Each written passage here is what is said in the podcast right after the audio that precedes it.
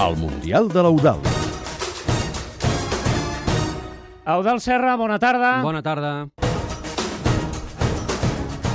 Hem parlat d'aquesta Argentina, de Leo Messi, però hem parlat poc de Nigèria. I això que Nigèria és una de les seleccions amb més presència als Mundials dels últims 20 anys. No havien jugat mai una Copa del Món fins la del 1994 als Estats Units, però des de llavors les han disputat totes, tret de la del 2006 a Alemanya, és a dir, 5 dels últims 6 mundials jugats. L'actual Nigèria, campiona de la Copa d'Àfrica ara fa un any a Sud-àfrica, és a prop de classificar-se pels vuitens de final, seguint els passos de la que ja ho va aconseguir als mundials del 94 i el 98. Aquella generació de futbolistes, però, és segurament la més brillant de la història de Nigèria i no només van lluernar el futbol africà, sinó també el Mundial. I és que Nigèria va aconseguir entre el 1993 i el 1996 el Mundial Sub-17 juvenil, la Copa d'Àfrica del 94 i la medalla d'or als Jocs d'Atlanta del 96. Els Mundials del 94 van caure als vuitens amb Itàlia per 2 a 1 després d'una pròrroga i de deixar abans pel camí l'Argentina a la fase de grups.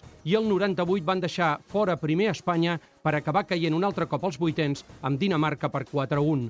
Aquella generació va produir futbolistes del renom de Rufai, Olissé, Emenalo, Amokachi i Amunique o del talent de Finidi, Iekini i Okocha i a més tard també Babayaro, Babangida o, sobretot, Canú. Ara, les àguiles verdes, com se les coneix a l'Àfrica, volen tornar a treure el cap als vuitens de final d'un Mundial, amb una selecció amb més múscul i força física que la dels anys 90, però amb no tant de talent com JJ Okocha i companyia.